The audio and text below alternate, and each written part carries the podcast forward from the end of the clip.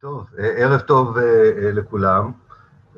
הערב אנחנו נדבר על הצהרת בלפור, שניתנה, כמו שאתם יודעים, בשני בנובמבר 1917. זה היה מכתב מלורד בלפור, שהיה אז ארתור בלפור, היה שר החוץ הבריטי, והוא כתב את המכתב לרוטשילד, לורד רוטשילד, שהיה נחשב, הוא לא היה לגמרי באופן רשמי, אבל נחשב לראש הקהילה היהודית בבריטניה. המכתב הזה הוקרא בפרלמנט הבריטי, וכולם הבינו אותם כ... כולם הבינו את המכתב הזה כהצהרת מדיניות והצהרת כוונות.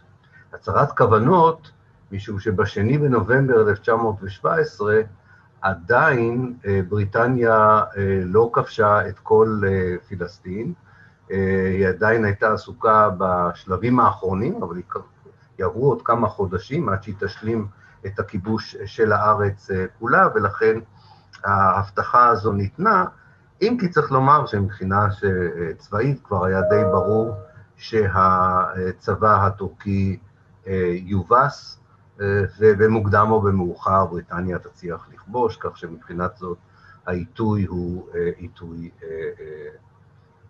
הולם, לפחות מנקודת מבט של האסטרטגים הבריטים. אני דיברתי לפני, בהרצאה הראשונה של הסדרה הזו, על הלובי הציוני באנגליה, בין השאר, גם בארצות הברית, אבל גם באנגליה.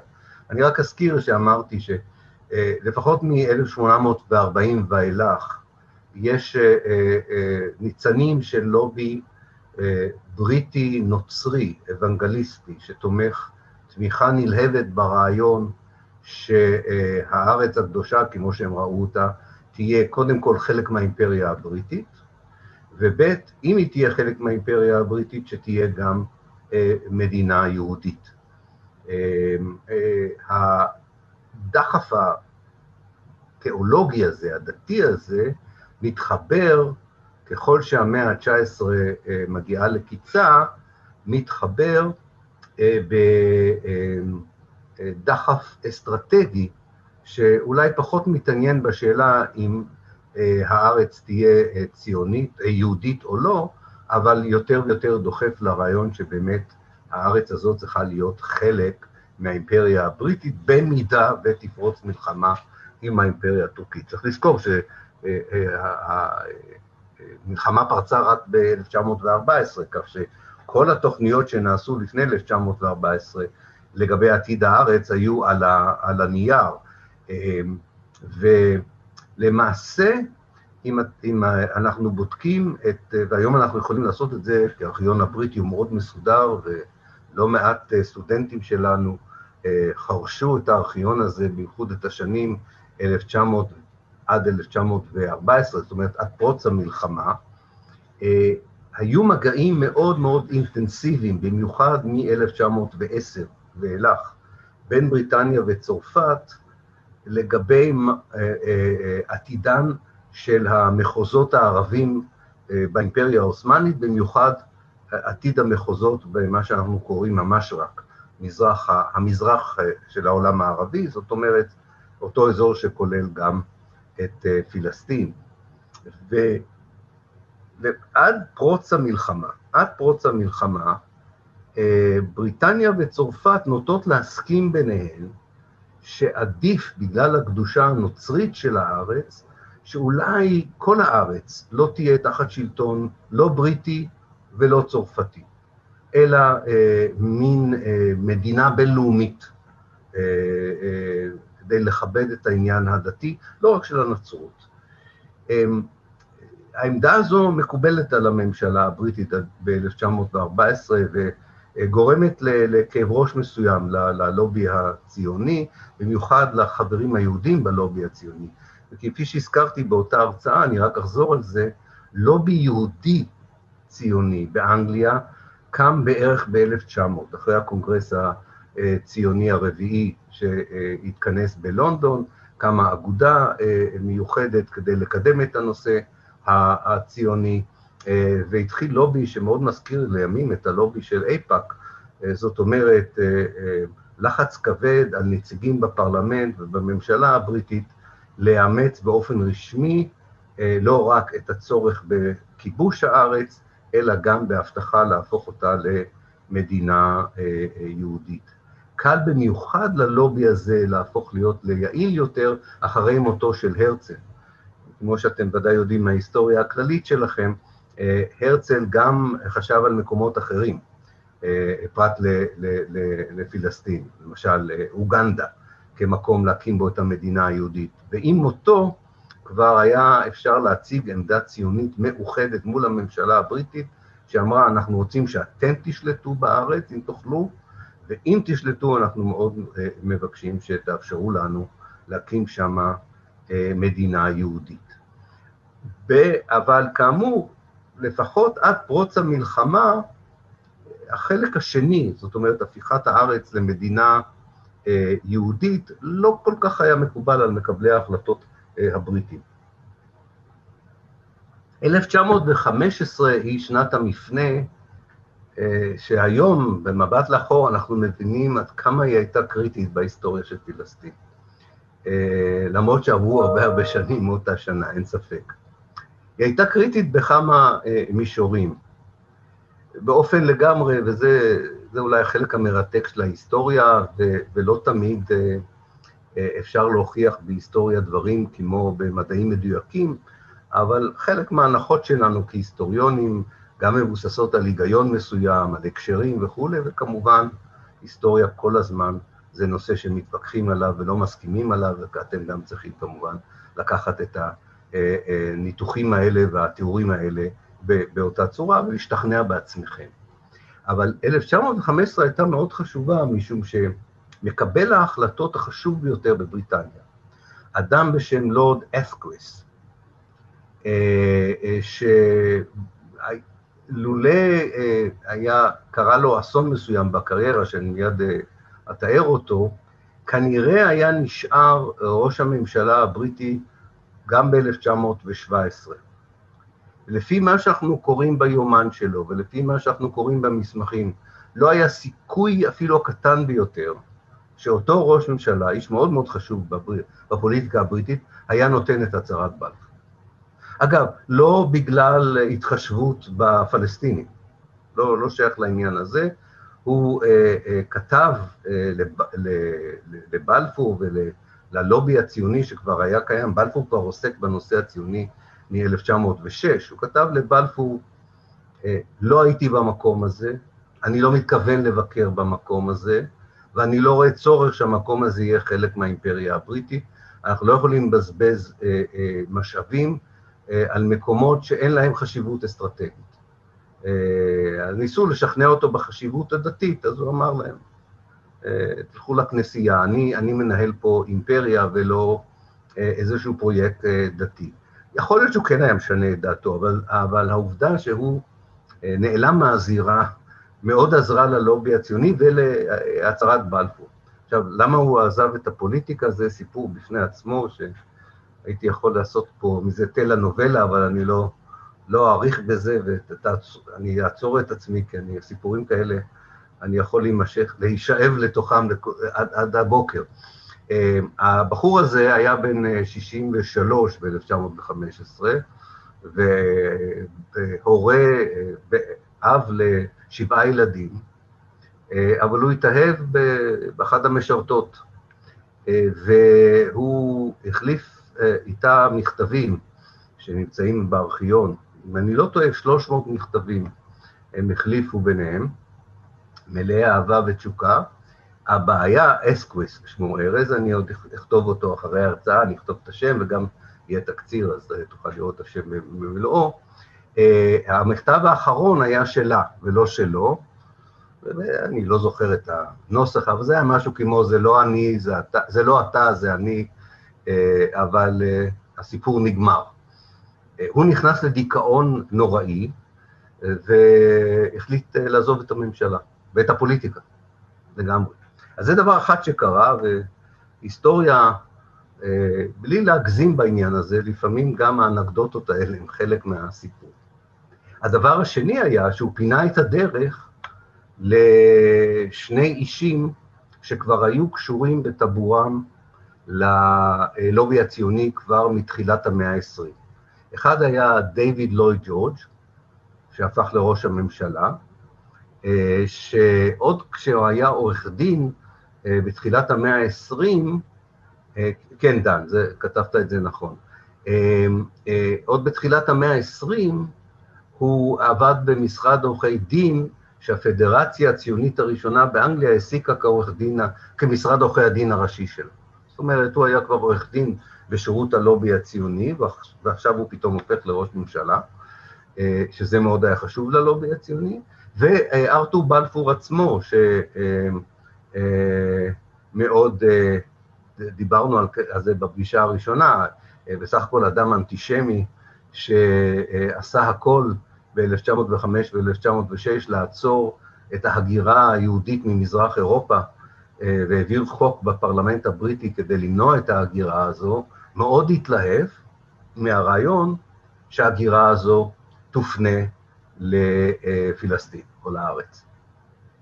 יש לנו אה, איזשהו רישום, הוא, הוא לא מלא, אבל אה, יש לנו יומן מאוד מעניין מהתקופה הזו של אה, אחייניתו של, של בלפור, ו, וגם של קרובת משפחה של הרברט סמואל, שגם הוא ייכנס לתמונה ועוד נדבר עליו. אז קרובות המשפחה רשמו אה, לפעמים בצורה מאוד מדויקת את השיחות, אה, אם היו נכחות בשיחות האלה, נגיד בין אה, ויצמן לבלפור או בין ויצמן להרברט סמואל. והשיחה הראשונה שיש לנו תיעוד עליה, גם אגב לפי מה שוויצמן כותב בזיכרונות שלו, חיים ויצמן, בזיכרונות שלו. בשיחה הזו נקודה אחת, אני חושב שהיא מעניינת בשבילנו, גם כישראלים היום, או מי שחי במדינת ישראל כיהוד, כיהוד, כיהודים, כפלסטינים, יש פה משהו מאוד מעניין. אה, ויצמן מבין שמדובר פה באנטישמי, אדם שגם אה, מעריץ את וגנר, והוא גם אומר לוויצמן בשיחה כמה הוא מעריץ את, את וגנר, המלחין הגרמני האנטישמי. אבל יש איזו הסכמה בין האישים, שהרי לא מדובר על איזשהו רצון של בלפור להיפטר מהיהודים באנגליה או היהודים בגרמניה. הם שניהם מסכימים על זה. התנועה הציונית לא נועדה ליהודים המתורבתים של מערב אירופה. הם אזרחים, גם בלפור אומר את זה וגם ויצמן אומר את זה. אלה אזרחים נאמנים של בריטניה, של צרפת, של גרמניה, לא הם אלה שילכו לפלסטין, אבל הם אלה שצריכים לתמוך, ופה כאילו יוצאת ההומניות החוצה, בגורלה של קהילה עצומה יהודית שבאמת אה, נמצאת בסכנה אה, הולכת וגדלה מאז 1882, בעיקר בגלל משטר של צאר רוסי מטורף למדי ואנטישמי מאוד, וגם בעלי בריתו באותו אזור, שבאמת הופכים את החיים של היהודים במקומות האלה למסוכנים, אה, וגם, כמובן, הם ערים לכך שיש כבר אינטלקטואלים במרכז אירופה שמרגישים שאולי ההיטמעות, אה, או ההתבוללות, כמו שהיהודים קראו לזה, אולי לא, לא, לא תצליח. אבל, אבל מבחינת המשולש הזה, הריבוע אפשר לקרוא לזה, מרובע, סליחה, אה, בלפור, אה, לוי ג'ורג', חיים ויצמן, ואפשר להוסיף לזה את הרבט סמואל, שעוד אני אגיד עליו משהו, לא מדובר בפרויקט שמנסה לעודד, אני חושב שחשוב להבין את זה, זה מסביר הרבה על מה שקרה אחר כך. לא מדובר פה בפרויקט שנועד למצוא איזשהו פתרון פוליטי לקהילה היהודית בבריטניה, במערב אירופה, או אפילו בארצות הברית. זה היה פרויקט של להפוך את פלסטין למדינה יהודית מזרח אירופאית, אומר. וזה דבר שאני חושב שמאוד לא שמים לב אליו בסיפור הזה. בכל מקרה, ויצמן אה, ובלפור נפגשים שוב בכלל במסגרת אחרת, ולכן זו עוד סיבה ש-1915 היא שנה כל כך חשובה.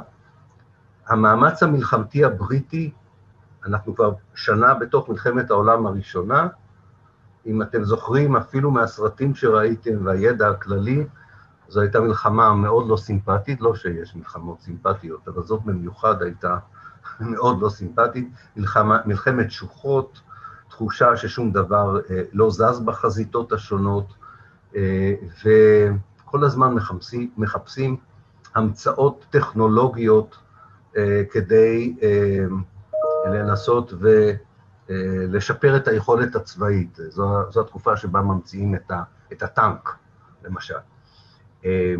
ומחפשים חומרי הרס צבאיים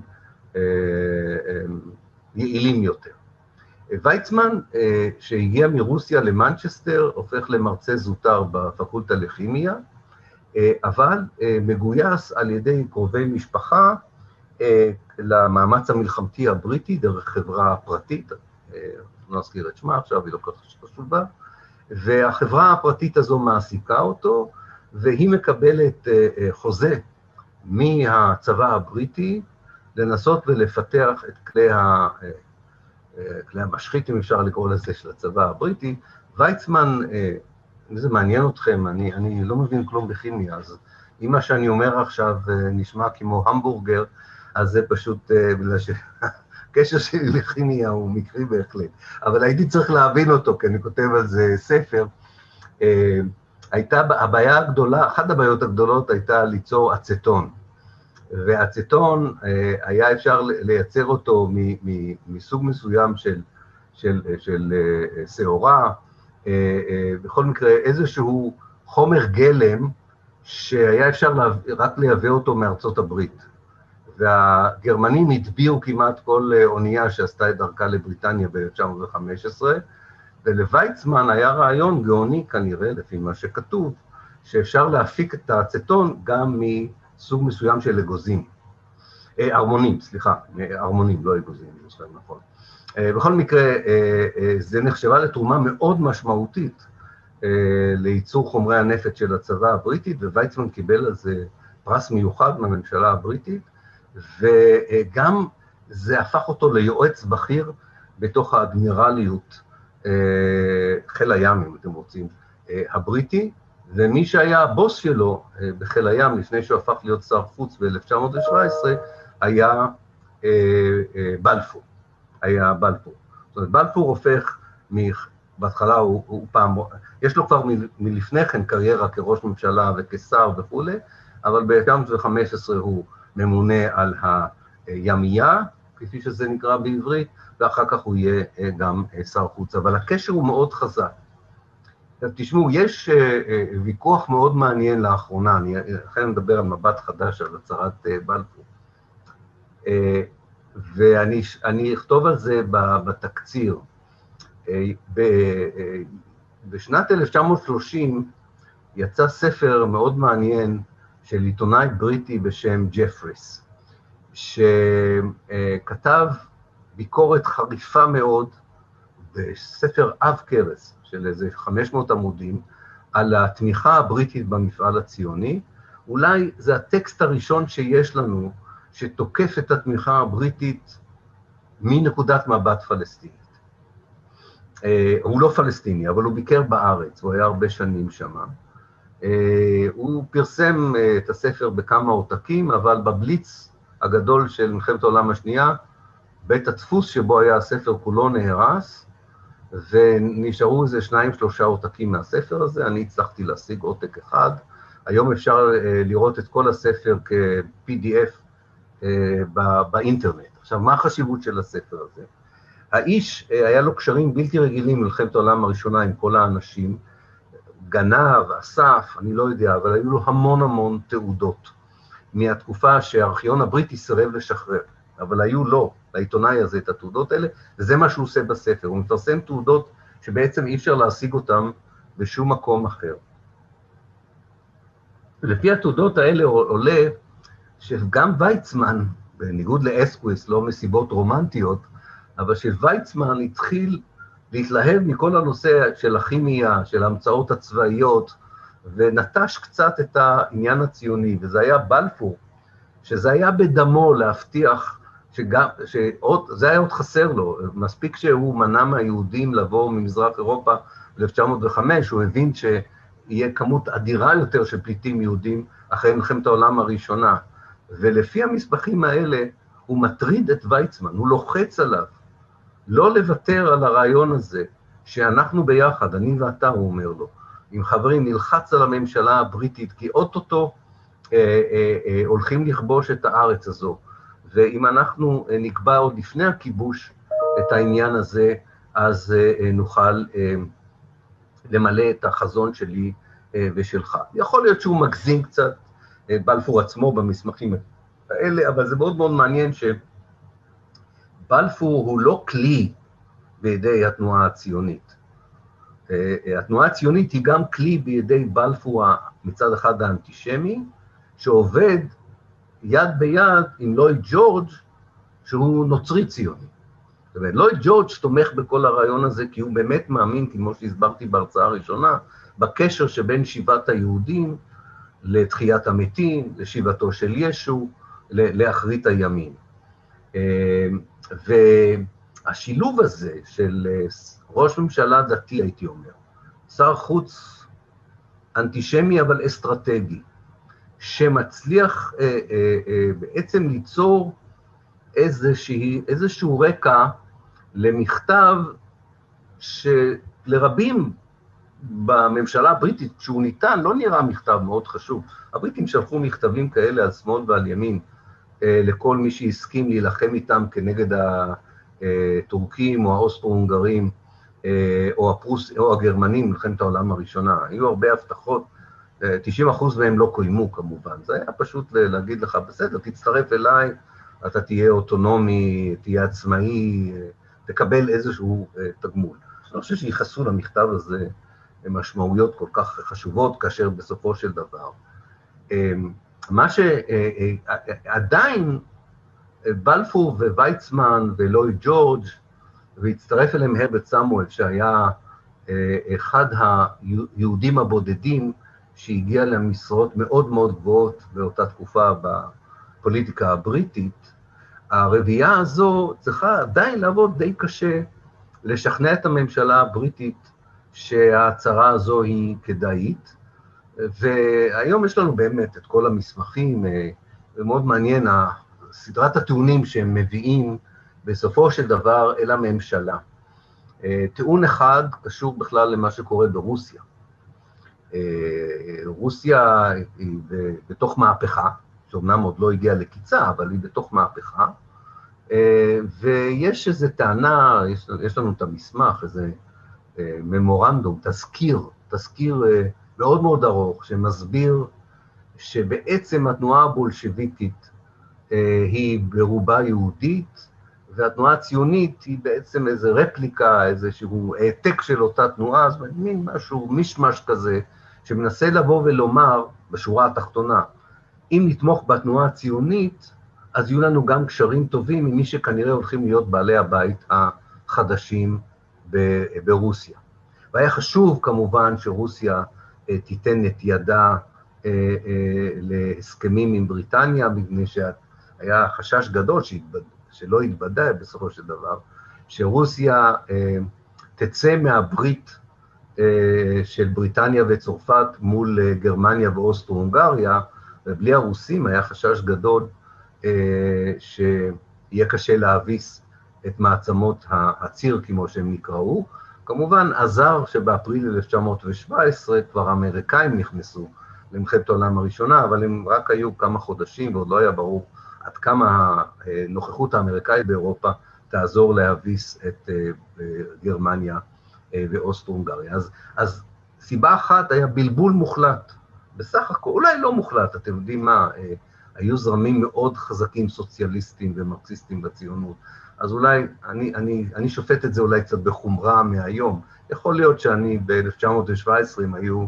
מביאים לי אה, אה, כתבים של אה, הציונות הסוציאליסטית וכתבים אה, של המרקסיסטים שמובילים את התנועה הבולשביקית, אז אני אה, אולי גם כן הייתי קצת אומר, בסדר, אולי זה בסך הכל ב, מאותה משפחה, כן, אותם בני דודים. סיבה אחרת, מאוד מעניינת, שלא הייתה...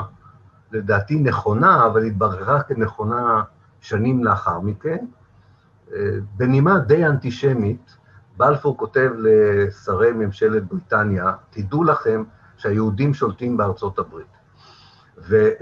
ואם אנחנו נהיה ביחסים טובים עם הציונות, תהיה לנו השפעה גדולה אה, על האמריקאים. זה היה מאוד מוזר, מפני שא', רוב יהדות ארצות הברית בשנים האלה לא תמכה בציונות, לא עניינה אותה הציונות, אה, אה, ועדיין היהודים ב-1917 זו קבוצה שסובלת בהרבה מקומות מנידוי, האליטה האמריקאית עדיין לא מאפשרת ליהודים דריסת רגל באוניברסיטאות, בפוליטיקה הגבוהה, אולי בכלכלה כן, אבל, אבל בכל זאת זה היה קצת מוגזם, כמובן שלימים יש לובי יהודי והוא משמעותי בסיפור הזה. אבל עם שני הנימוקים האלה, שתמיכה בתנועה הציונית היא עזרה גדולה ביחסים הבינלאומיים עם רוסיה וארצות הברית, היה חלק מאוד נכבד בטיעונים שניתנו לגבי הצהרת בלפור. הנוסח הראשון ש, שבלפור, לבלפור יש שתיים, שלוש בעיות שהוא צריך עוד לפתור לפני שהוא הולך קדימה עם הנושא הזה. אחד, הוא צריך להזהיר, מה שגם נכון, שיכול להיות שמעצמה אחרת תיתן הצהרה שכזו, האמת שהגרמנים קצת חשבו על זה, הצרפתים בוודאי חשבו על זה, אבל הוא משכנע שבעצם הציונות עצמה, וגם זה היה נכון, מעדיפה את בריטניה. דבר שני שהיה מאוד מאוד קשה לו, קרובי משפחתו של רוטשילד וקרובי משפחתו של הרברט סמואל,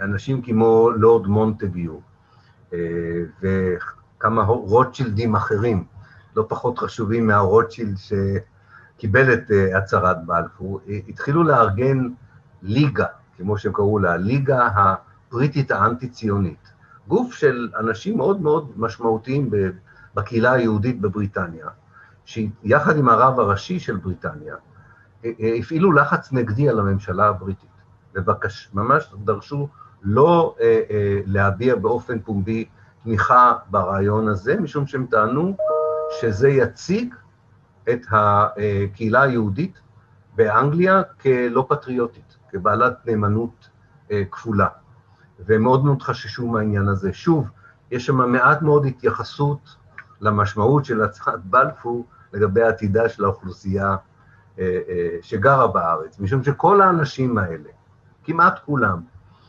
שהיו בעד או שהיו נגד, לא היו בארץ מעולם. שזה עזר להם כמובן לקבל החלטות בנושא הזה. היחיד שטרח לברר מה קורה בארץ היה לורד מונטגיו, קרוב משפחתו, קרוב מאוד,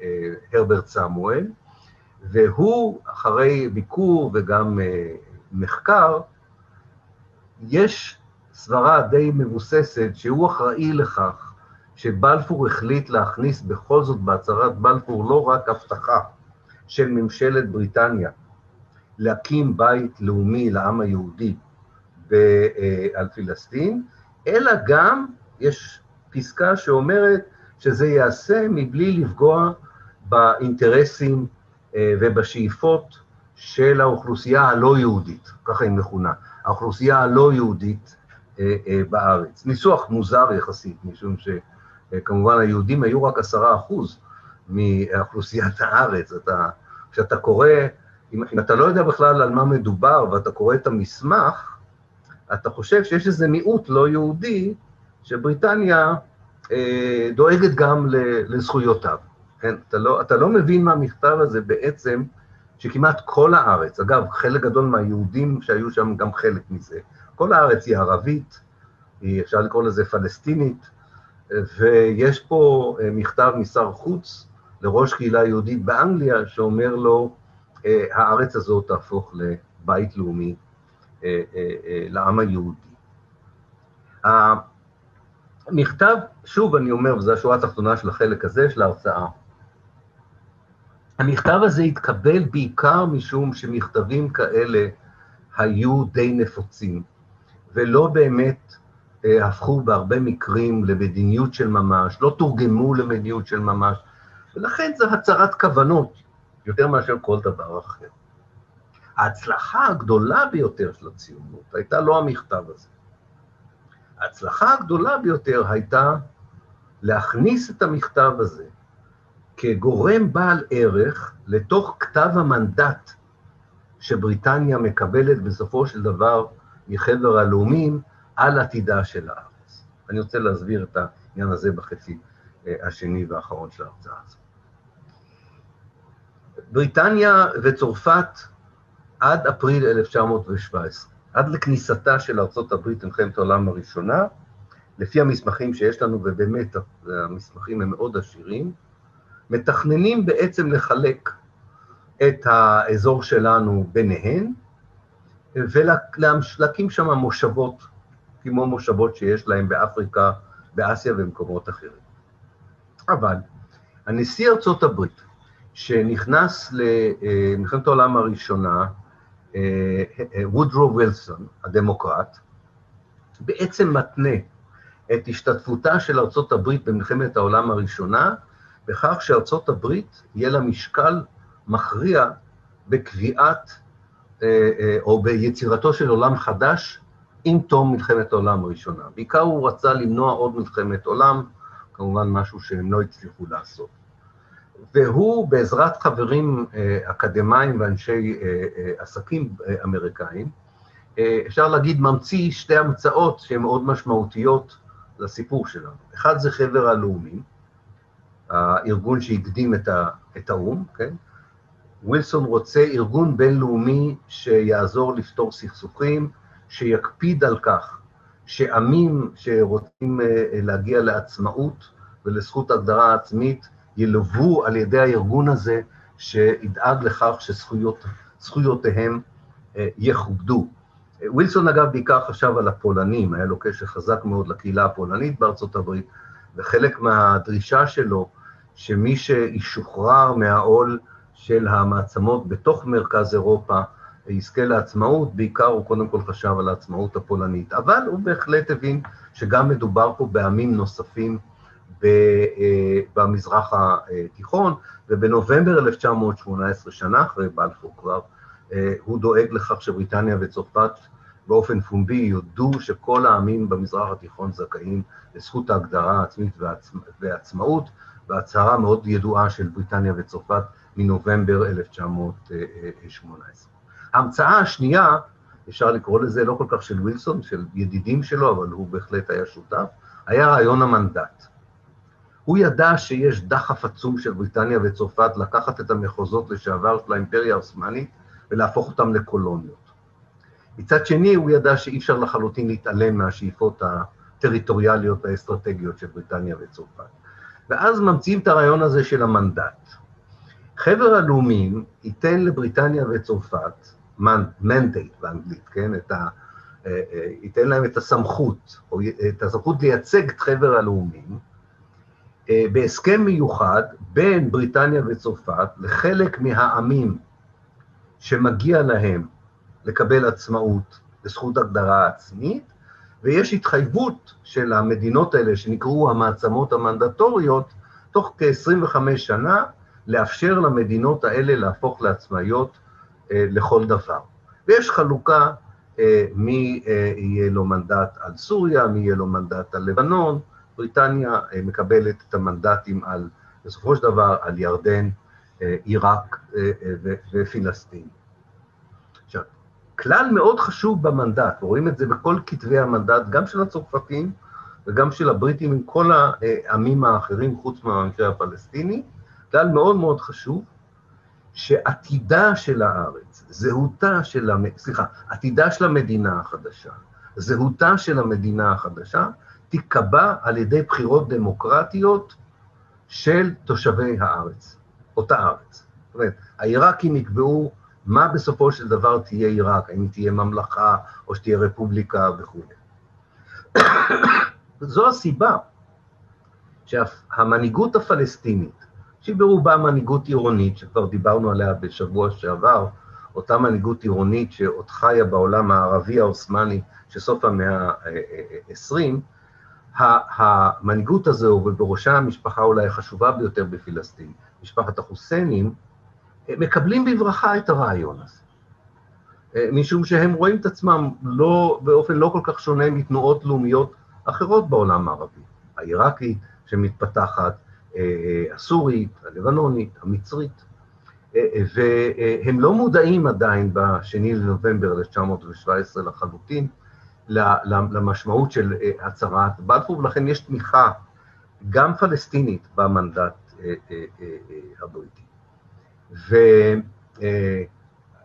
והעובדה שניתנה, ניתן, ברגע ששומעים על המכתב הזה, ושומעים עליו פחות או יותר שנה אחרי שהוא ניתן, בנובמבר 1918, מצד אחד יש הפגנות בירושלים וביפו ובחיפה נגד הצהרת בלפור, מצד שני יש איזה רוגע מסוים בגלל ההצהרה האנגלו-בריטית שאומרת כל העמים שהם תחת, שיהיו תחת שלטון המנדט, יזכו לעצמאות והם יקבעו באופן דמוקרטי. עכשיו תחשבו על הפלסטינים, הם 90 אחוז מהאוכלוסייה, אז לא משנה כל כך מה המכתב הזה אומר, בסופו של דבר אנחנו הפלסטינים נקבע את עתידה של פלסטין.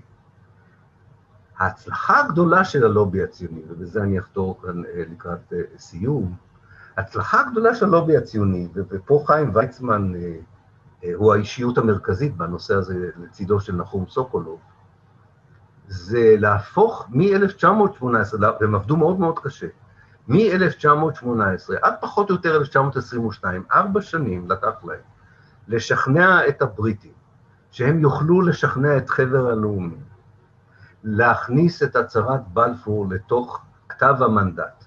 זאת אומרת, כתב המנדט על פלסטין הוא בבסיסו סתירה אחת עצומה שלא ניתנת לשום אה, גישור. מצד אחד, מבטיחים שמבחינה דמוקרטית יהיה פה אה, אה, סיפור דומה לעיראק ולירדן ולסוריה ולבנון, בצד אחד. מצד שני, מבטיחים שיהיה פה סיפור אחר לגמרי, שבו המאזן הדמוגרפי יהיה חסר משמעות בסופו של דבר בקביעת עתידה של הארץ, משום שיש פה מחויבות בריטית רק לצד אחד בעצם, לצד של המתיישבים הציונים. ושוב, אם אתם תיקחו בחשבון את האופי של החברה הפלסטינית. ובהרצאה הבאה, שלצערי לא תהיה בשבוע הבא, אבל בפעם הבאה שניפגש, אנחנו נדבר על, על שנות ה-20, שהן שנים מאוד מאוד חשובות לה, לה, להפיכה של הצהרת בלפור למדיניות של אל-חזור מבחינת uh, הפלסטינים, ועליה נדבר. Uh, מבח... uh, uh,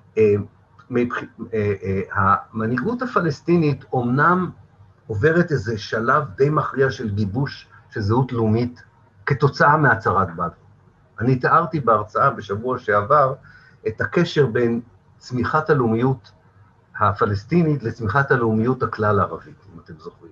ובאמת, רוב האנשים שראו את עצמם חלק מלאומיות כלשהי, בלבנון, סוריה, עיראק, אה, בארץ, עדיין חשבו במושגים פן-ערביים, של איזו רפובליקה פן-ערבית. כמובן ששיטת המנדטים, התוצאות של מלחמת העולם הראשונה, גורמת להם לחשוב יותר במושגים של לאומיות פטריוטית מצומצמת, לא רק פן-ערבית, למרות שהדחף הפן-ערבי מעולם לא, לא מת. אמ, אבל גם הפלסטינים, לוקח להם המון זמן אה, להתארגן כתנועה לאומית שפלסטין במרכזה. אה, עד 1920, אה, בגלל שבסוריה יושב נצר למשפחה ההאשמית, פייסל ההאשמי, שלורנס איש הרב המליך אותו, זה סיפור בפני עצמו, אבל יש תחושה לרגע היסטורי בין 1918 ל-1920, שאולי ההאשמים, שהיו בעלי בריתם העיקרית של הבריטים במלחמת העולם הראשונה, יצליחו להקים את ממלכת סוריה הגדולה. את ממלכת סוריה הגדולה, שתכלול את ירדן, סוריה, לבנון ופלסטין, ויש תמיכה עצומה לרעיון הזה בקרב החברה הפלסטינית. יש עיתון שמוציאים אותו חאג' אמין אל-חוסייני, המנהיג בעצם של הקהילה הפלסטינית, וערף אל-ערף, ההיסטוריון המרכזי, שנקרא ז'נוב סוריה, דרום סוריה, כן? יש נכונות פלסטינית להיות חלק מממלכה כל סורית, מה שנקרא סוריה אל-קוברה בערבית, אה, אה, סוריה הגדולה. כאשר הצרפתים מביסים את פייסל, והוא מגיע לחיפה, ומחיפה צ'רצ'יל ממליך אותו על עיראק, הלאומיות הפלסטינית מתמקדת ברצון להקים מדינת לאום פלסטינית, ערבית, בפלסטין אה, אה, אה, עצמה. ועדיין זה 1920, עדיין הצהרת בלפור לא בתוך כתב, המנ... כתב המנדט, והפלסטינים מתארגנים קודם כל באגודות נוצריות מוסלמיות, כמו שהן נקראות, ואחר כך בקונגרס לאומי פלסטיני, כבר יש הנהגה ברורה, יש ועד פועל לקונגרס הזה. זאת אומרת, ב-1922 יש כתובת לעם הפלסטיני של הנהגה, לטוב או לרע, הנהגה אה, של נכבדים עירוניים, אה, אה, עם המגבלות ועם היתרונות של אריסטוקרטיה מהסוג הזה, אבל בכל זאת, הנהגה מייצגת וכבר די מבוססת, וההנהגה הזו באופן מאוד ברור מסבירה לבריטים שאין שום סיכוי שהפלסטינים אי פעם יקבלו את הרעיון של הצהרת בלפור. הכוח של הלובי הציוני היה כזה שב-22, זה השתנה, אבל ב-22 אה, אה, הצליחו לשכנע את הבריטים להתעלם מהתביעה הנגדית הפלסטינית. אני אומר את זה בשביל הרקורד ההיסטורי, כי אני קורא בהרבה ספרי היסטוריה שכביכול לא היה שם צד נגדי, אז לא הייתה בעיה לעשות את זה. זאת אומרת, לא היה בא מישהו ואמר, משהו לא בסדר עם הרעיון הזה, שכתב המנדט מחבר הלאומים אה, יכוון לבנייתו של בית לאומי יהודי ולא להקמתה של מדינה אה, ערבית פלסטינית. אז כן, הייתה, היה, היה, הייתה עמדת נגד, אבל התעלמו ממנה. התעלמו ממנה כי בגלל אוריינטליזם, בגלל איסלאמופוביה, בגלל שלא היה לובי משומן פלסטיני בחוץ לארץ. זאת אומרת, אחד הדברים שגם אמרתי לכם את זה בהרצאה הראשונה, היה קשה מאוד לקבוצה מקומית, ילידית, וזה נכון לגבי כל מי שהיה קורבן למפעלים קולוניאליים התיישבותיים. קשה מאוד לאוכלוסיות ילידות להבין שמאזן הכוחות הרגעי בשטח הוא פחות משמעותי לפעמים ממאזן הכוחות העולמי. והציונות הייתה מאוד חזקה במאזן הכוחות העולמי, הייתה מאוד חלשה בשנים האלה במאזן הכוחות. אה, המקומי, אבל היה קשה מאוד לפלסטינים אה, אה, להבין את זה, והם לא מצליחים, הם לא מצליחים למנוע מוועידת לוזאן. ועידת לוזאן ב-1923 סגרה את כל סיפור המנדטים. אגב, היו עוד כישלונות. הכורדים לחמו מאוד מאוד קשה כדי להקים מדינה, והסכימו לקבל מנדט בריטי עליהם. ולא פעלו כמו שהתנועה הציונית פעלה, לא היה להם שום לובי בלונדון, לא היה להם שום אה, אה, אה, הבנה או, או, או הבנה עמוקה של הפוליטיקה הבינלאומית, והבריטים אה, מסיבותיהם העדיפו לחבר אה, מחוז כורדי אחד לעיראק, להשאיר מחוז כורדי אחר בידיים איראניות, ומחוז כורדי שלישי בידיים של, אה, של טורקיה. אבל היה להם כוח, צריך להבין את זה. היה לבריטים ולצרפתים כוח להקים את כורדיסטן, אם הם רצו, והיה להם כוח להקים את מדינת ארמניה, אילו רצו, או מדינה עלאווית וכולי. אז אה, אה, אה, מהבחינה הזו, אה, לא רק הפלסטינים אה, לא הצליחו, אבל הסיפור של, המיוחד של הציונות, ובזה אני אסיים, הסיפור המיוחד שכל מי שהתחרה בכורדים, בארמנים, בעלווים, בדרוזים, היה מפה, היה מהמזרח התיכון. בסדר, היו לו באמת שאיפות נגדיות, אבל זה היה עם אחר. במקרה של הפלסטינים, מי שעמד מולם זה לא מישהו שגר אצלם, זה מישהו שעתיד לגור אצלם. וזה, אה, אה, אה, אתה קורא את הזיכרונות של אה, אה, חאג' אמין אל-חוסייני, יש לו ספר זיכרונות, 50 שנה, בפלסטין, הוא כותב שם, אה, איך, ואתם יודעים, הוא היה כבר אדם חשוב ב-1922.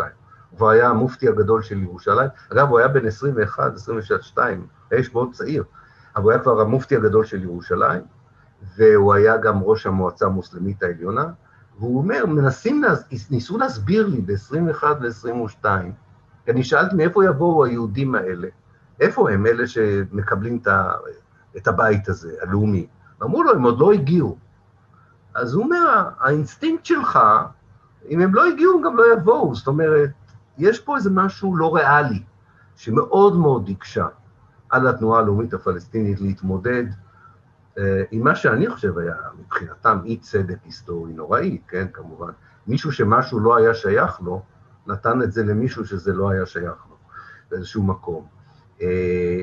לא במקרה, זה באמת המשפט האחרון, לא במקרה כל מסמך פלסטיני, מאמנת אש"ף, דרך הצהרת העצמאות הפלסטינית, במסמכים אפילו שהוגשו לוועידת קמפ דיוויד ב-2000, מתחילים בהצהרת בלפור. לא במקרה. זה אה, אה, פתאום הבנה מאוחרת של אה, העמדה, לא כל כך של הציונות במקרה הזה, אלא העמדה של העולם אה, מול אה, אה, קבוצה לאומית ועם שלפי תפיסתם בגדו בו מהרגע הראשון, ברגע שהגיע לקיצה התקופה הטורקית העות'מאנית. אז אני אעצור פה, אני רואה שכבר יש כאן מספיק שאלות. כן, דן תדמור מדבר על מורגנטאון. מורגנטאון היה השגריר האמריקאי באיסטנבול. בהחלט הייתה תמיכה, אני לא אמרתי שלא, אולי לא הובנתי נכון, הייתה, היה בארצות הברית תמיכה לתנועה הציונית. אני גם דיברתי על הלובי הציוני שם, אבל אני הזכרתי את יהדות ארצות הברית. יהדות ארצות הברית. היו יותר תומכים לא יהודים בציונות בשנים האלה מאשר תומכים יהודים. זה כמובן התהפך, כמובן התהפך. צריך לזכור שאנחנו לא זוכרים את זה לגבי יהדות ארצות הברית, אבל אחד הזרמים החשובים ביותר שמתפתח בדיוק אז ביהדות ארצות הברית זה הזרם הרפורמי, של יהודים גרמנים שמגיעים לארצות הברית. והזרם הרפורמי, אמנם היום הרפורמים הם תומכי ישראל, והם עברו איזה, עברו קודם כל פיצול ואחר כך תמיכה, אבל בשנים הראשונות הם בפירוש מוציאים הצהרות מאוד מאוד חריפות כנגד הצהרת בלפור. אז זה, זה גם כן מעניין לקרוא על, ה, על התקופה הזו. יהודית, אתה יכול להגיד קצת על מי היו הדמויות המשמעותיות הפלסטיניות שינסו לעשות עבודת לובי מנגד הציונות, אולי דוגמה של השפה הפוליטית בה הם השתמשו, איזה תפקיד קפיטליזם או סוציאליזם משחק בשיח הפלסטיני של אותם שנים, שתי שאלות נפרדות. אז אה, בקצרה, אה, אה, כמו שאמרתי, קודם כל אפיינתי את, ה, את הדמויות המשמעותיות הפלסטיניות, אותו, אותה אליטה עירונית, שחלקה הגדול עדיין משתייך למשפחות נכבדים, שיש להם מעמד חברתי ודתי ולכן גם מעמד כלכלי עוד מתחילת המאה ה-18, והדור החדש שלהם מנסה לעצב את סדר היום הלאומי הפלסטיני. כבר אנחנו מתחילים לראות ב-1918-1919 את כניסתם גם של אה, אנשי המעמד הבינוני, שמתחיל לראשונה להתפתח בפלסטין. זאת אומרת, אנשים שמקבלים מעמד פוליטי לא כי יש להם איזה אילן יוחסין אריסטוקרטי, אלא בזכות המקצועות החופשיים שאליהם הם משתייכים. רופאים, עורכי דין, סוחרים, בנקאים, מהקהילה הנוצרית, מהקהילה המוסלמית. והם האנשים, הם, הם אגב יודעים אנגלית טוב, הם מסתובבים גם בעולם, חלק מהם עשה את האקדמאים שביניהם, חלק מהם אפילו עשה את התואר השני והשלישי באנגליה, כך שיש להם את העניין הזה. השפה שהם משתמשים בה היא שפה, הייתי אומר, לאומית ראשונית, כמו שמשתמשים בה בכל העולם באותה תקופה.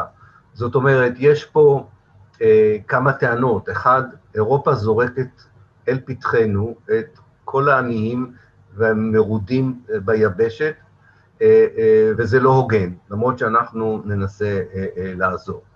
ב', אנחנו חלק מהעולם הערבי, בהחלט השפה היא פן-ערבית ולא רק לאומית פלסטינית, אבל כמו שאמרתי, ככל שמתברר שלא תהיה לאומיות פן-ערבית, צריך לזכור שב-1909 כבר יש עיתון בשם פלסטין, וגם העיתון האחר שיקום, עיתון אל-כרמל ועיתונים ערבים אחרים, השפה היא של לאומיות ערבית פלסטינית, ובלאומיות ערבית הכוונה לכלול את היהודים, המוסלמים והנוצרים. אין שם מוטיבים חזקים דתיים בתקופה הזו, למעשה המשכילים הנוצרים יש להם השפעה דומה מאוד למשכילים המוסלמים, ולכן הארגון הלאומי הפלסטיני הראשון נקרא הארגון המוסלמי הנוצרי. ופה דגש חזק מאוד על העניין הזה. כשניפגש בפעם הבאה, נדבר על איך הבריטים ניסו להרוס את הלאומיות הפלסטינית, על ידי זה שהם דרשו מפלסטינים להתפקד כמוסלמים וכנוצרים, ולא הסכימו שהם יתפקדו כפלסטינים, למרות הדרישה הפלסטינית, ואפשרו ליהודים להתפקד כיהודים, אבל מי שיתפקד כיהודי גם יתפקד כציוני. זאת אומרת, זה כבר בראש פגע קשות מאוד בסיכויים של הפלסטינים. אמ, אה, תפקיד של הקפיטליזם הוא סוציאליזם בשיח הפנימי. בוא נאמר ככה, הרעיונות הסוציאליסטיים לא כל כך אה, מגיעים עדיין למרבית הפלסטינים באותה תקופה. אה, הלאומיות שהם מכירים נולדה בביירות, במצרים, בירושלים. יש השפעה של המיסיונרים האמריקאים, זאת אומרת, יש פה את הרעיון של השתחררות מאימפריאליזם, אה, ומעושק, אה, אה, ויש כמובן גם תפיסה של גם מסורת שמשמרים מצד אחד, וגם תפיסה יחסית מודרנית. המפלגה הקומוניסטית היא עדיין יהודית כמעט כולה עד שנות ה-30. עד שנות ה-30 המפלגה הקומוניסטית של פלסטין, מה שנקרא ה-PKK, ברובה יהודית.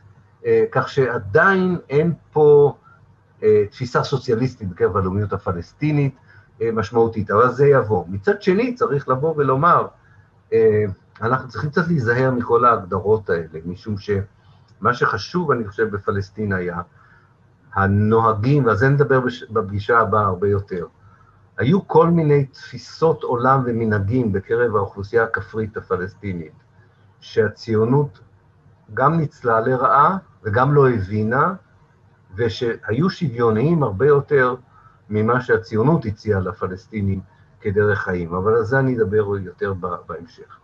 ארז, יש סיכוי שמישהו ירגיש מה יהיה בשנות ה-40, או שאולי זו הסיבה לחוסר ההתערבות האמריקאית והאנגלית לחילוץ היהודים מהשואה, הבינו שזה יהיה קטליזטור לעזיבת היהודים את אירופה. אני לא יודע אם, אם זה כל כך קשור. קודם כל, אתה, אתה צודק, יש ספר מאוד ידוע, אני חושב שמרטין גילברט התחיל עם זה, אבל גם האחרים, האשמה קשה על הבריטים והאמריקאים שהם לא עשו מספיק ל, אה, לעצור את, את השואה. אה, האם זה קשור לנושא של אה, הרצון שהיהודים לא יהיו במזרח אירופה ויעברו לפלסטין? אני לא, לא כל כך חושב. אבל אני כן חושב שיש פה איזשהו קשר שאנחנו לא תמיד נוח לנו להתמודד איתו, עם העובדה שמי שלא רצה שיהיו יהודים באירופה זה הציונות והאנטישמים. זאת אומרת, יש פה איזה, איזשהו משהו שהוא יוצר איזה, לא שותפות אינטרסים, לא הייתי מרחיק לכת, אבל יוצר פה איזושהי אה, אה, אה, בעיה אה, שכמובן אי אפשר לדון בה בזמן השואה, כי כאשר היהודים עומדים לפני השמדת עם, זה ברור שהם צריכים לצאת משם, והם צריכים לצאת לאן שהם יכולים. השאלה הגדולה, זו השאלה שהממשלה הבריטית, ונדבר על זה, שואלת עצמה ב-1945, וגם הממשלה האמריקאית, אחרי השואה, האם באמת הפתרון היחידי ליהודים זה להגדיל בפי שתיים ופי שלוש את מספר המתיישבים היהודים בפילסטין? זו השאלה הגדולה. לא בזמן השואה, אה, אחרי השואה, אבל אנחנו עוד נדבר על זה. האם היו ניסיונות אה, מקומיים משותפים, יהודים, מוסלמים, נוצרים, פלסטינים, להתנגד יחד לאנגלים? אה, האמת היא שטורקיה נשלטת מ-1909 על ידי מפלגה שנקראת הטורקים הצעירים. אז קודם כל נתחיל עם זה. והטורקים הצעירים אה, לא היו מאוד, לא אהדו מאוד את הרעיון של לאומיות ערבית, אבל היו גם נכבדים פלסטינים שתמכו בלאומיות אה, הטורקית, לא הרבה. אמ, ולכן, קודם כל זה מתחיל בזה שלא מעט נכבדים, נכבדים ופעילים, גם מוסלמים, גם נוצרים ו, וגם יהודים, משתפים פעולה עם הבריטים עוד בטרם הכיבוש הבריטי. אה, לא רק מחתרות נילי, אה, אה, אה, לא רק מחתרת נילי עבדה למען הבריטים, היו גם הרבה רשתות ריגול ועזרה ערביות לעזור לבריטים. לגבי התנגדות משותפת בתקופת המנדט, התנגדות לא הייתה פוליטית, אבל יש לנו כמה ספרים מרתקים על, על, בתפיסה מעמדית ולא לאומית, של שיתוף פעולה של פועלים, של פקידים, יהודים וערבים, כנגד הבריטים כמעסיקים, לאו דווקא כשליטים פוליטיים. אני לא יודע אם אפשר עוד להשיג את הספר שאני ערכתי לפני המון המון שנים, שנקרא מגעים יהודים ערבים, כשהייתי עוד, כשעוד עבדתי בגבעת חביבה, ערכתי ספר שנקרא מגעים יהודים ערבים, ויש שם חמישה-שישה מאמרים על השותפות הזו, היהודית הערבית, בתקופת המנדט מול המעסיקים הבריטים. זהו, אני חושב, יש פה אה, אה, חסימת הגבולות למערב, הוא מדבר על העניין הזה, בסדר. אה, אוקיי, נדמה לי שזה כל השאלות.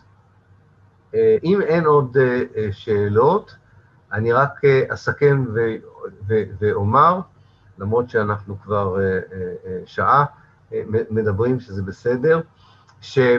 אה, השארתי את זה לסוף, אז אני, אם, אם יש לכם סבלנות לעוד חמש דקות, אני חושב שזה מעניין לדון על זה.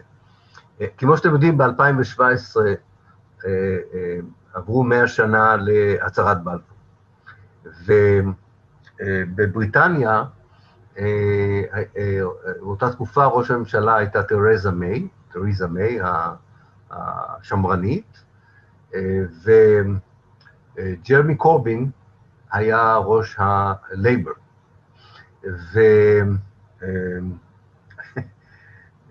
וממשלת בריטניה החליטה לעשות טקס מפואר לכבוד הצהרת בלפור. וג'רמי קורבין כתב שהוא לא יבוא,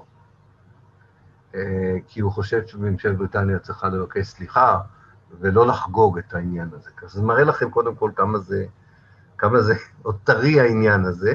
אני מציע לכם גם להסתכל, אני אכתוב את זה ב... ואני רואה שסמיר עוד שאל משהו ואני מיד אתייחס לזה, אבל אני, אני אכתוב את זה ב, ב, בצ'אט. תסתכלו באתר בלפור פרויקט, זה ניסיון של בריטים ופלסטינים עדיין לדרוש היום מהממשלה הבריטית שהיא תתנצל באופן רשמי על הצהרת בלפור. הדבר האחרון שאני רוצה לספר, לפני שאני אתייחס רגע לשאלה של סמיר, ברשותכם, אני הייתי אה, בכנס ב-2007, 90 שנה להצהרת בלפור, בעיירה קטנה ליד אה, אדינברו, בסקוטלנד. מדוע בעיירה קטנה? כי בלפור קבור שם. בלפור לא היה סקוטי, אבל אה, כדי להיבחר בפעם האחרונה, הזיזו אותו לסקוטלנד, כי הוא לא היה פופולרי במחוז הבחירה המקורי שלו.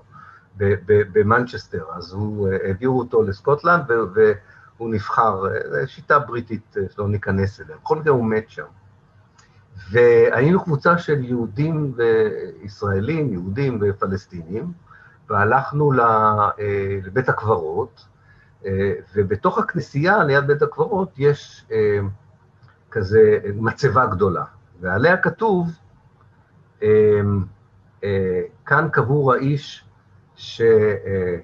שזכויות אדם וזכויות אזרח וזכויות עמים היו רג... נר לרגליו, משהו כזה. אני לא, אל תתפסו אותי במילה.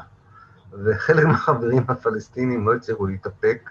אחד ירק והשני בעט, ואני עשיתי משהו סימבולי רק, כי אני לא פלסטיני. אבל אני הבנתי לגמרי את, ה, את הכעס הזה. כן, יש משהו בעניין הזה. לך שתקום או מדינה פלסטינית אחת גדולה ודמוקרטית, או תקום מדינה פלסטינית לצד מדינת ישראל. כשתקום מדינה פלסטינית, אני מבטיח לכם שלא יהיה שם שדרות בלפור, ולא יקראו לשדה התעופה על שמו של בלפור, אולי למזבלה העירונית יקראו על, על, על, על שמו של, של האיש הזה, ותראו איזה כבוד עשו גם ללואי ג'ורג', אתם יודעים, אני לא יודע אם אתם יודעים את זה, רמת דוד, קיבוץ רמת דוד זה על שמו של דיוויד לואי ג'ורג', כן? איזה כבוד עשו ללואי ג'ורג' ולבלפור, בלפוריה, שדרות בלפור בכל מקום, משהו לחשוב עליו. סמיר, can you say a word or two about the Lausanne conference? כן, רק בקצרה. יש אגב כל מיני ועידות לוזאן, ואנחנו נדבר על ועידת לוזאן של 49, שהיא גם מעניינת. אבל ועידת לוזאן ב-1923, יש הרבה היסטוריונים שאומרים, קוראים לזה הוועידה שסיכמה את המשחק הגדול, the big game. מה היה ה-big game? חמש, מ-1918 בוא נגיד, אז, אה, אה, אה, לא טוב, חמש שנים. חמש שנים של אה, מגעים בין רוסיה, ארצות הברית, בריטניה וצרפת, על למי שייך המזרח התיכון, איך לחלק אותו, למי מגיע מדינה, למי לא מגיע מדינה, מבלי בכלל לשאול ולהתחשב במה שהתושבים המקומיים רוצים. זה היה האסנס של אה, ועידת לוזאן. זה היה ניסיון ג'נטלמני להסכים על חלוקת השלל שמה שהשאירה האימפריה העות'מאנית בחטק המזרחי של העולם הערבי. אגב, גם ועידת ורסאי שהייתה ב-1919, שסיימה את מלחמת העולם הראשונה, וגם ועידת לוזאן, ובאמצע הייתה ועידת סן רמו ב-1920, לכל הוועידות האלה הפלסטינים מנסים להיכנס. ולא רק הם, גם אה, לורנס איש הרב, שהוא מאוד תומך בעניין הפלסטיני מאותם שנים והלאה. לא כל כך נותנים להם להשמיע את קולם, אבל זה מאוד מעניין, כל נציג ציוני שבא מקבל את הזכות לדבר בפני אה, באי הוועידה, כאשר הנושא הספציפי של פלסטין אה, עולה לסדר אה, אה, אה, היום. אה, כתבתי ספר בעברית והוא יצא אחר כך באנגלית, וניסיתי לתאר קצת בצורה אה, ציורית את הניסיון הזה אה, של החוסיינים להופיע בפני הוועידות האלה והכישלון לעומת הדרך שבה התייחסו לנציגים הציונים, בעברית קראו לזה משפחת החוסיינים לספר, באנגלית זה נקרא The Palestinian Dynasty, כן, בכל מקרה, זה מאוד תפס אותי, ניסיתי כהיסטוריון לדמיין את, ה, את הקטע הזה, באותה צורה שתיארתי לכם לפני שבוע, את השטיח האדום והלימוזינה שהמתינה לוויצמן ולקחה אותו לצ'רצ'יל, ושלוש הזקנות הבריטיות שעזרו לחאג' אמין אל-חוסייני לרדת מהרכבת עם דגלים ולקחו אותו לשתות תה בבית קפה ליד. יש לך מ-1919 תחושה שהפלסטינים כבר הפסידו את הקרב בזירה הבינלאומית. הם לא הפסידו אותו עדיין בארץ, והם ינסו פעמיים, ב-29 וב-36, והעולם הערבי ינסה לעזור להם ב-47, בארץ לא להפסיד את הארץ, אבל בעולם הם הפסידו את הקרב פעמיים, פעם אחת אחרי מלחמת העולם הראשונה, ועוד פעם אחרי השואה. אחרי השואה כבר לא היה להם סיכוי להשיג את הקואליציה הבינלאומית אה, שתעמוד מול הנחישות להקים מדינה יהודית על איזה חלק שהתנועה הציונית תצליח לכבוש אה, אה, ולבנות בה מדינה יהודית. אוקיי, my late father-in-law, Judge Hawari, attended one of these Lausanne conference. אה, יפה. זה לא ידעתי. יש לי שמות, אני צריך לבדוק, אני מניח שהוא מופיע שם.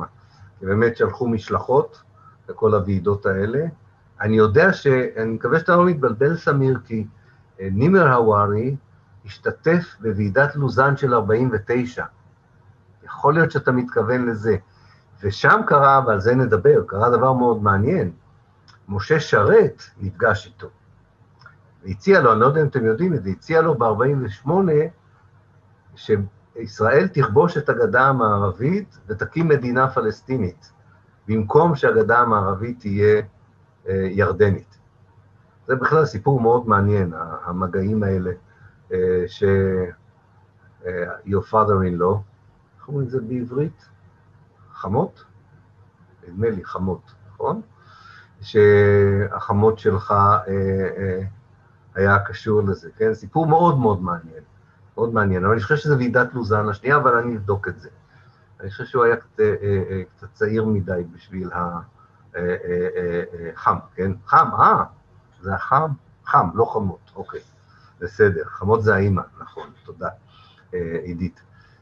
בכל מקרה, אז אני חושב שזה בוועידת לוזן האחרת, מאוד, סיפור מאוד מעניין, מאוד מאוד מעניין לכשעצמו, הניסיונון, הניסיון להקים מדינה פלסטינית, אגב, מי שהיה שותף לזה, זה אביו של רג'ה שחאדה, עזיז שחאדה, היה יחד, הם, הם, הם, היה להם קשר, הם היו יחד באותה קבוצה שניסתה אה, להגיע לאיזו הבנה, ושרת מאוד חשב שזה יכול להיות פתרון מעניין, אה, שישראל תכבוש בכוח את הגדה המערבית ותקים שם מדינה פלסטינית.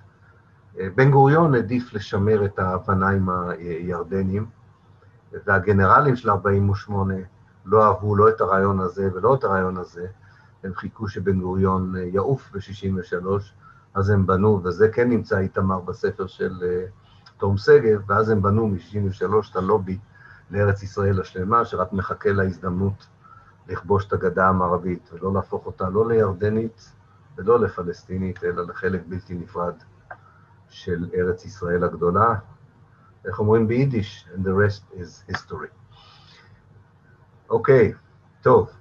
Uh, תודה על התשומת לב וההאזנה. צר לי שבשבוע הבא אני uh, לא אוכל להיות איתכם. אני נמצא בשיחה שנורא רציתי לצרף אתכם אליה, למרות שהיא באנגלית, ואני יודע שחלקכם הגדול מדבר אנגלית, אבל האוניברסיטה לא מאפשרת לי לפתוח את המפגש שאני עושה ביום חמישי הבא לקהל רחב יותר. אני עדיין מנסה אה, אה, לעשות את זה. אני מקווה שאני אצליח. ביום חמישי הבא יש שיחה ביני לבין אנג'לה דייוויס על uh, הקשר שבין האוכלוסייה, הקהילה האפריקאית-אמריקאית uh, והנושא הפלסטיני. אני נורא רציתי שגם אתם תהיו שותפים, אבל הם החליטו למכור מין כרטיסים וירטואליים כדי שזה יהיה manageable, אה, אז יש, כבר נרשמו 300 איש, וזה הקווטה, באותו יום שרק הודענו על זה, תוך שעה 300 איש אה, אה, נרשמו, אבל תהיה הקלטה של זה, שאני אוכל לחלוק איתכם, אבל לצערי זה ייפול באותה שעה של הקורס, אז אנחנו, ויש לי גם שבוע אחרי זה הצעה שאולי אותה אני כן אוכל לפתוח, אולי אני כבר אגיד לכם את זה אם אתם קהל שבוי, אתם לא קהל שבוי, אבל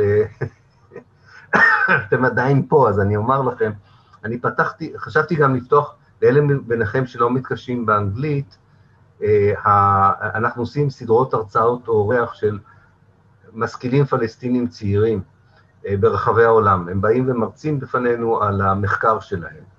אה, ואת זה אני יכול לפתוח בקלות גם לקבוצה, אז אני אשלח לכם קישורים לעניין הזה.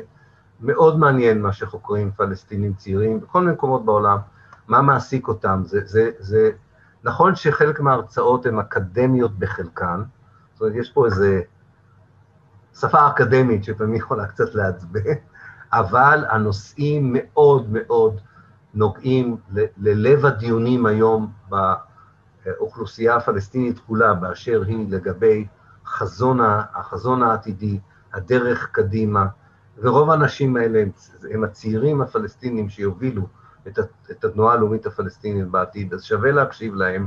זה אנשים שינסו לקבוע את סדר היום הפלסטיני ב-10-20 השנים אה, הקרובות, וחשוב לשמוע מה שיש להם להגיד, מה מעניין אותם, מה ההדגשים שהם חושבים שצריכים לה, אה, לעשות את זה.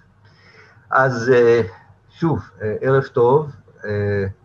אבל סמיר עוד זורק ככה בשנייה האחרונה, why doesn't the British government open its mandate? אה, אה, סמיר, אה, המסמכים פתוחים, זה ישראל שלא פותחת את הארכיונים.